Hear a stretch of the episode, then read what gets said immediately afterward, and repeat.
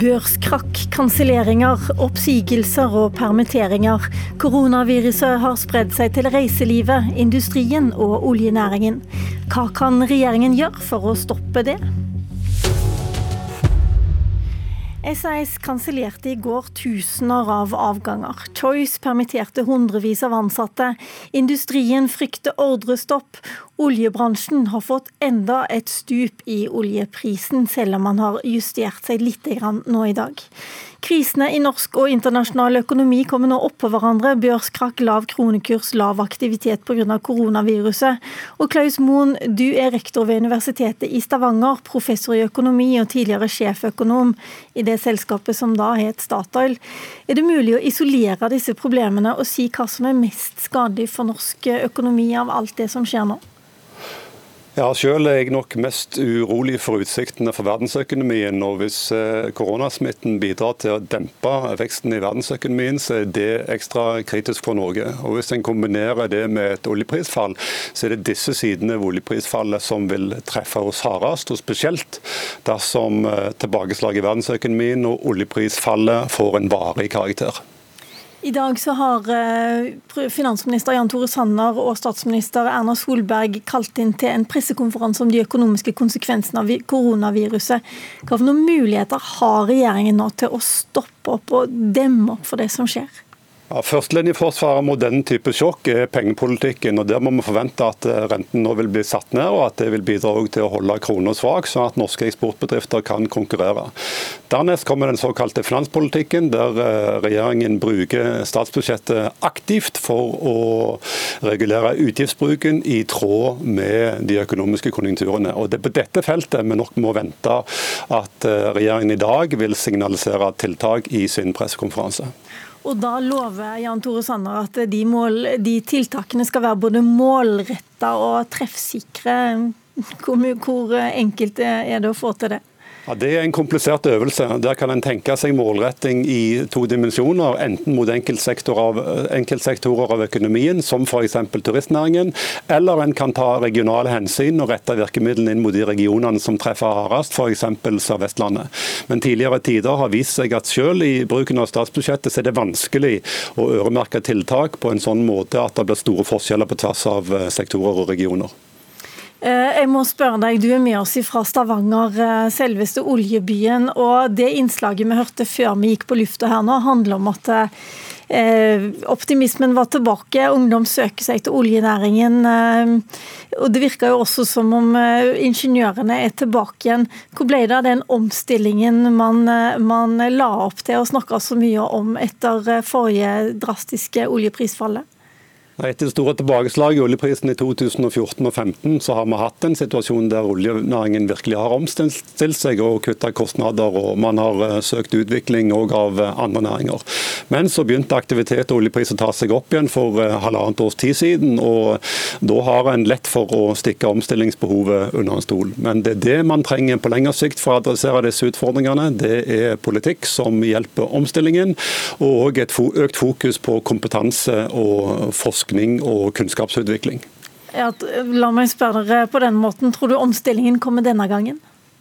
Hvis uh, dette omslaget vi ser nå får en varig karakter, så tror jeg det, ja. Eh, Jan Tore Sanner kunne ikke være med i Politisk kvarter i dag. Han skal ha pressekonferanse om tiltak senere i dag. Men vi har jo med deg bl.a. Eh, Siv Jensen. Du ga fra deg nøkkelen til finansministerkontoret for halvannen måned siden. Hva ville du ha gjort om du fortsatt hadde den nøkkelen og satt på virkemidlene i dag? Jeg ville brukt finanspolitikken aktivt, fremme et eh, forslag som var målrettede. Gjøre endringer i permitteringsreglene, som jeg hører både LO og NHO nå ber om. Ville gjort eh, lettelser i skatter og avgifter, for de treffer jo, kan være målrettet både mot flybransjen som eh, sliter, mot turistnæringen som sliter, og mot andre næringer som sliter. Og jeg ville definitivt også igangsatt, altså fremskyndet en del bygge- og anleggsprosjekter som uansett skal komme, som kan utløse aktivitet i mange kommuner. Eh, samferdselsprosjekter også, som vi uansett skal iverksette, og som sysselsetter mange mennesker og skaper aktivitet. Men Du snakker om å kutte CO2-avgift, og du har også sagt at den flypassasjeravgiften må kuttes. Men eh, i all verden, er det mer flyreiser folk trenger nå? Det er nå i hvert fall sånn at uh, norsk turistnæring lider kraftig under uh, dette. Og mange nordmenn kan jo se for seg å heller fly innenlands i stedet for å reise til utlandet, som de nå blir frarådet å gjøre. Uh, flyselskapene har selv pekt på disse avgiftene som en som et område hvor de kan se for seg lettelser. Men det jeg sa i går, og jeg pekte på en lang rekke mulige tiltak som regjeringen bør iverksette, det aller viktigste er at regjeringen i dag lanserer helt konkrete tiltak, og at de er rede til å iverksette det hurtig. For Vi kan ikke ha et seminar om dette i dagevis. Det er nå det er alvor ute i bedriftene. Eh, og man kan hastebehandle dette gjennom Stortinget eh, hvis regjeringen har eh, gjort jobben sin. Så vi kan ikke ha mer seminar, mer diskusjon. Vi må handle, og tiltakene må komme i dag. Hadia Tajik, du er finanspolitisk eh, talsperson i Arbeiderpartiet i tillegg til å være nestleder. Eh, er du enig i de tiltakene som eh, Siv Jensen kommer med her? Jeg tror det er flere ting vi kan eh, være enige om. I hvert fall så ser det ut til, sånn situasjonen er nå, at det kommer til å være behov for friske penger. Og at det godt kan være at det behovet melder seg allerede før revidert nasjonalbudsjett i mai, altså ganske raskt. Og da mener jo vi at det i hvert fall er fire ting som må prioriteres. Det ene er at helsevesenet er ganske pressa nå. De kommer til å trenge mer penger. Det andre er at bedrifter kan oppleve eh, at noen av de er på konkursens rand. De kan trenge mer fleksibilitet. Det innebærer innebærer f.eks. endringer, oppmykinger i permitteringsregelverket. F.eks. at man reduserer arbeidsgiverperioden.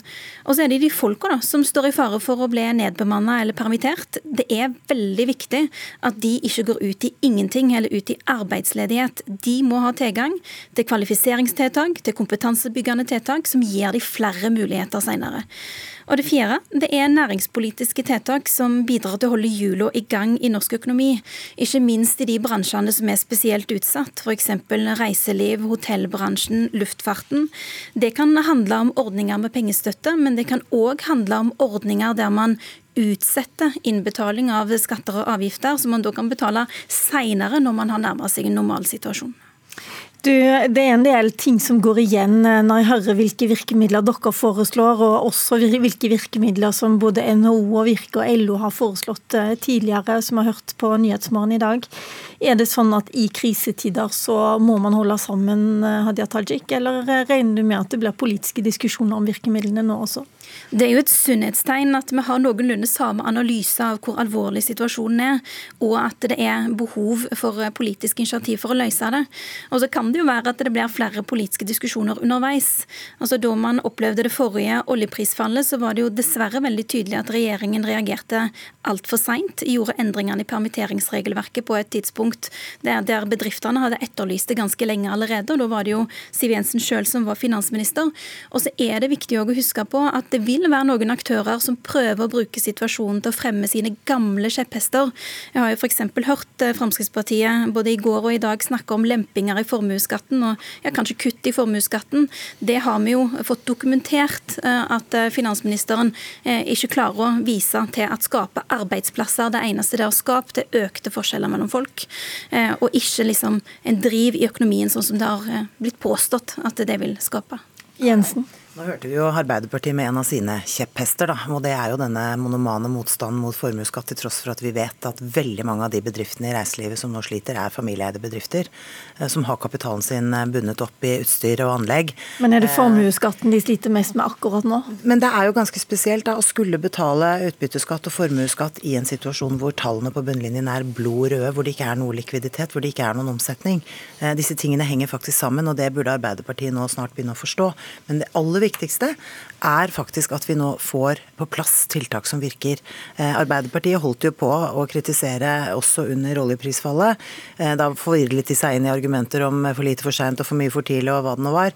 Poenget var at vi kom med tiltak som traff og som fikk Norge raskt gjennom eh, konsekvensene av oljeprisfallet. Det har vi jo senest nå hørt en reportasje om her på NRK.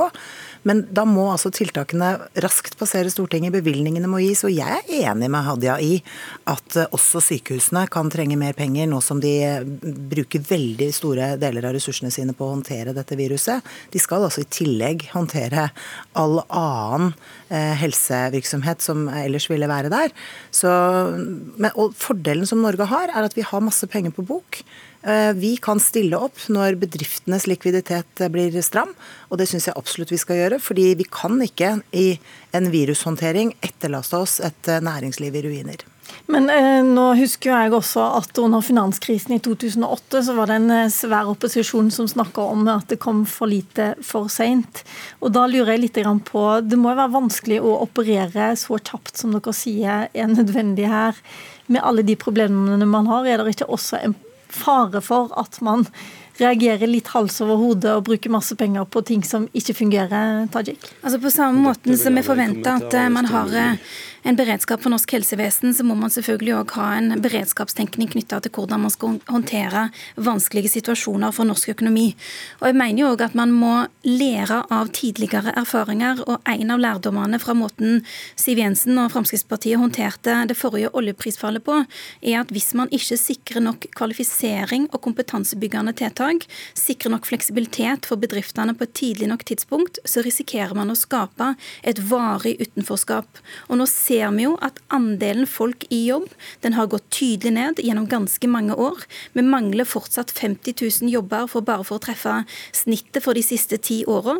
Og det er veldig viktig for Arbeiderpartiet at man klarer å håndtere denne krevende økonomiske situasjonen, som jo fortsatt er ganske uoversiktlig, på en måte som sikrer folk jobber, og ikke skyver de ut i varig utenforskap.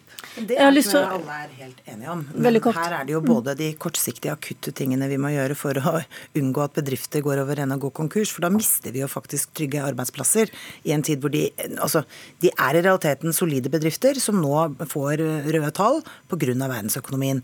Men den strukturelle utfordringen som vi har i forhold til arbeidsmarkedet, den har vi jo hatt der lenge. Og jeg er enig i at vi må iverksette tiltak for at flere kommer i varig arbeid. Men det er et mye langsiktig arbeid. Nå må vi faktisk sørge for at bedriftene ikke går over ende. Jeg har lyst til å dra inn igjen Klaus Moen fra Stavanger. Hva vet man om hva som funker når krisen er ute i norsk økonomi? Det vi vet er at Finanspolitikken eller bruken av statsbudsjettet er spesielt velegnet for eh, utfordringer av midlertidig karakter. Så Hvis man er overbevist om at disse utfordringene er forbigående, så er finanspolitikken et eh, egnet virkemiddel. Men hvis man bruker forbigående eller finanspolitikken på, problem, på utfordringer som har en varig karakter, så risikerer man å feste utgiftsnivået i offentlig sektor på et permanent høyere nivå, og man risikerer å sementere en sammensetning av økonomien som man ikke er tjent med på sikt. Og Det som er krevende her, det er nemlig det er akkurat å vurdere hva er det her som er varig, og hva er det som er midlertidig. Ja, Har du noen tips eh, i så måte? Nei, Jeg tror at eh, en del av dette er av midlertidig karakter, og at eh, forhold knyttet både til oljeprisutviklingen og til koronasmitten vil blåse over om en periode. Men en kan heller ikke utelukke at dette vil ha varige virkninger på veksten i verdensøkonomien, på oljeprisdannelsen og dermed òg på impulsene mot norsk økonomi. Og Våpenet mot det er jo omstilling, kompetansebygging og kunnskapsutvikling. La oss eh, se på noe som må være positivt, i hvert fall fra en finansministers eh, ståsted. Det er jo litt sånn at 2021-budsjettet eh, det er et valgbudsjett, og det lå an til å bli ekstremt stramt. Nå er det vel muligheter for å bruke mer penger enn man hadde tenkt å bruke, og det på også gode tiltak som man ellers måtte ha kutta i, Siv Jensen. Det kan nok hende at eh, denne, denne krisen eh, vil utløse muligheten for et større handlingsrom, men de pengene må uansett brukes på å, på å drive livredding på bedrifter som egentlig er sunne og gode, men som nå kan risikere å gå over ende. Eh, så det betyr jo ikke nødvendigvis mer penger til eh, en del av hjertebarna til Venstre og Kristelig Folkeparti, som i hvert fall ikke kommer til å bety omstilling om, av norsk økonomi og flere arbeidsplasser. Men når du snakker om, eh, om kutt i formuesskatten, og SV var ute i går og snakka om den grønne pakken som de har ønska seg lenge, så er det vel litt noen som har håp om å få ønskene sine oppfylt også politisk her? Ja, jeg mener at uh, vi må se på ulike skatte- og avgiftsvirkemidler. Det er jo flere som har pekt på muligheten for utsatt uh, innbetaling av skatt. Formuesskatten vet vi treffer de som er familieeide bedrifter, og det er det veldig mange av i vårt land. Det er jo ikke sånn som Arbeiderpartiet prøver å fremstille det, at formuesskatten lettelser i den først og fremst går til Stein Erik Hagen og de aller rikeste. Det skal gå til helt vanlige familieeide bedrifter som sysselsetter masse Og nå er vi i gang med en slags skattedebatt som vi ikke har plass til nå. Eh, tiltakene fra regjeringen kommer senere i dag, og den skal vi få med oss.